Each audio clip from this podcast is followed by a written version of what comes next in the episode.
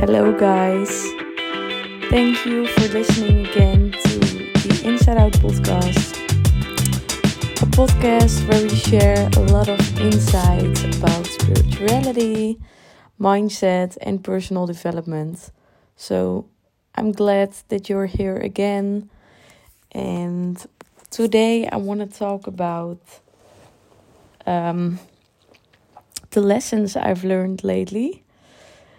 Actually, the lessons I've learned this year because I feel.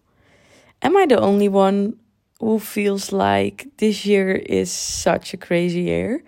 And so many things have happened, so many lessons I've learned, and yeah, that's what I want to talk about today.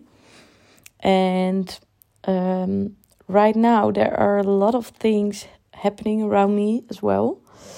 Um, in two days, I'm going to move to another house because I'm still living with my mom actually since four months ago because I broke up with my ex boyfriend.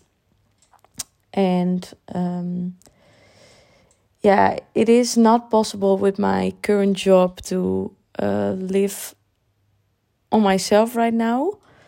But I trust and I know that um, I will be living on myself in about a few months. But for now, I'm living with my mom. And um, yeah, like you all know, my father passed away a year ago, and um, my father and mother they lived in our um, house where we grew up as as children, and this is actually a quite big house, so that's why my mother um, wanted to move to somewhere else in the st- in the same street but then a little, a little bit smaller because yeah this house is too big to live uh, with two of us so in about two days i'm going to move and it's so weird to um, um, let go of the place where you have stayed your whole youth youth youth it's really hard to say it in english but I think you know what I mean. And um, yeah, so that's happening. And um, when I came back from Bali, I really had to land in this culture. I never had that before, actually. but um, when I came back at work, like all my manage- managers were on a vacation, and one manager she has gone to um, another store. I'm a manager at a big fashion store in the Netherlands. And uh, so, yeah, like everything that happened or anything that has to be ruled, I had to do it because we have a new uh, manager in our team. And yeah, I had to uh, learn a, a few things and then I also have a lot of people under me, which, um, yeah, I had to help with a lot of things. So currently, I experience a lot of pressure, and um, so today I realized that I learn from all these times. And sometimes it feels like you carry the weight of the world world on your shoulders. But uh, then I heard the phrase of Abraham Hicks, a great spiritual teacher, which I listen to very often. And she says, Life is supposed to be fun. And I heard that phrase this whole day. And then I thought by myself, yes, actually I need to let go of resistance and I just need to make things in life fun because life is supposed to be fun. And I think if we, um, if you're going through tr- tough times right now, it could really help to remind yourself of that lesson and to remind yourself that you're not here to suffer or that you're not here to experience feelings of worries, doubts, fears. It's normal to have those, but it's really important to remind yourself that you are here to experience life and to have fun while you're here. I think we're all here on, on earth to learn our individual lessons, and um, by knowing that and uh, remind yourself of this life lesson, things will feel much um, smoother, and only then you can let go of resistance. Because actually, the last couple of days I didn't felt good at all. I felt a lot of resistance. Um, I felt pressure to do things. It's like I'm a bit in a hurry. I want things to go a certain way right now. and I think that's um, also because we live in a world where everything has to be fast. Uh, we get information like very, very fast. We only when we, when we want to know something, we just get our phone on and then um, we can look it up at Go- in Google, and it takes only about one minute or something. So we are wired in our brain to get information that quick that's why we live in a culture where there's so much hurry and we need to plan everything. And sometimes i really feel this pressure because in bali i experienced such another culture and um, yeah it is really hard to switch from one to another. But it's okay and um, yeah, we just have to accept this because you can slow down by yourself and um,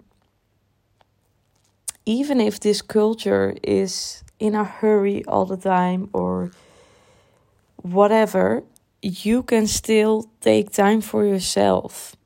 Even if you think you don't have time, you always have time to um, yet to get quiet by yourself and to be still and to reflect.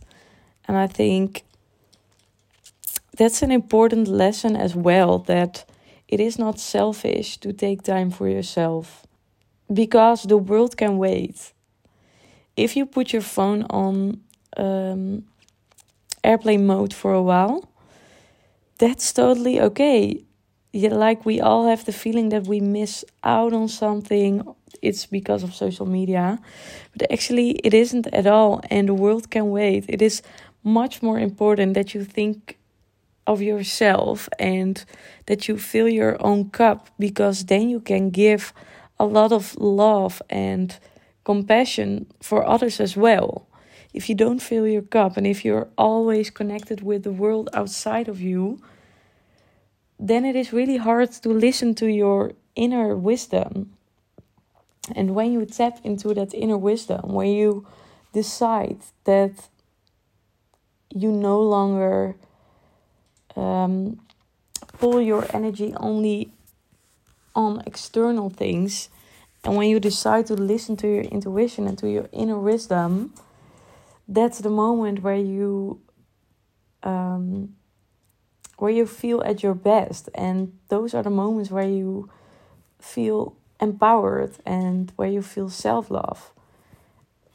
And yeah, that's a lesson I've learned as well this year. And another lesson I've learned is that it is okay to have insecurities or doubts, doubts or worries. And sometimes we f- feel we get caught up in those feelings. And when we get caught up in those feelings, it's really hard to um, zoom out. And I talked about this in my earlier episode uh, about the realizations I've had in Bali. And yeah, it's so important to zoom out on life and um,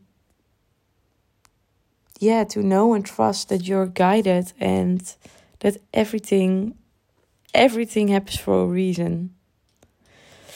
When you look back at all your life lessons and all the things you've learned already,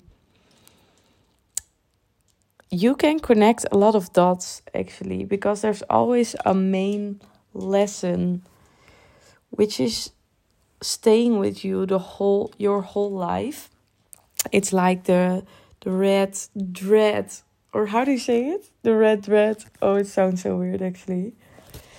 Um oh, it's like the red rope in your life and when you are able and to connect those dots when you become more aware of the things you learn along the way and every when you connect everything and when you look back at all those lessons then you realize um, that it had to happen in order to get you where you are right now.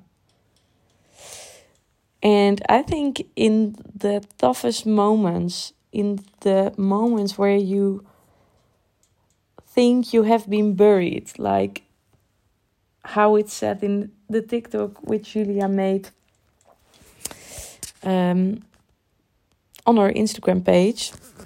The moments where you think you've been buried, you're actually being planted. And this one is so, so true.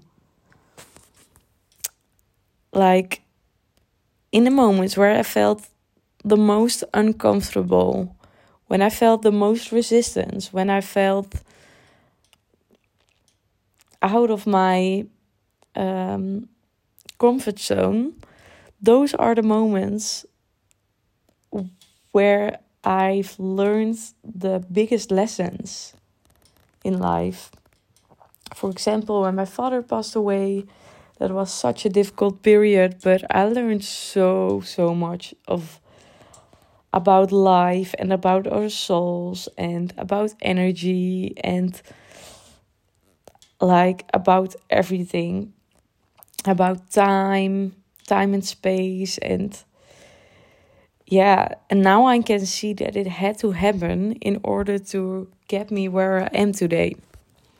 And it's the same with you actually. If you connect those dots, you will see that all those moments were there to teach you something. And yeah, I just truly believe that uh, everything happens for a reason, and and um,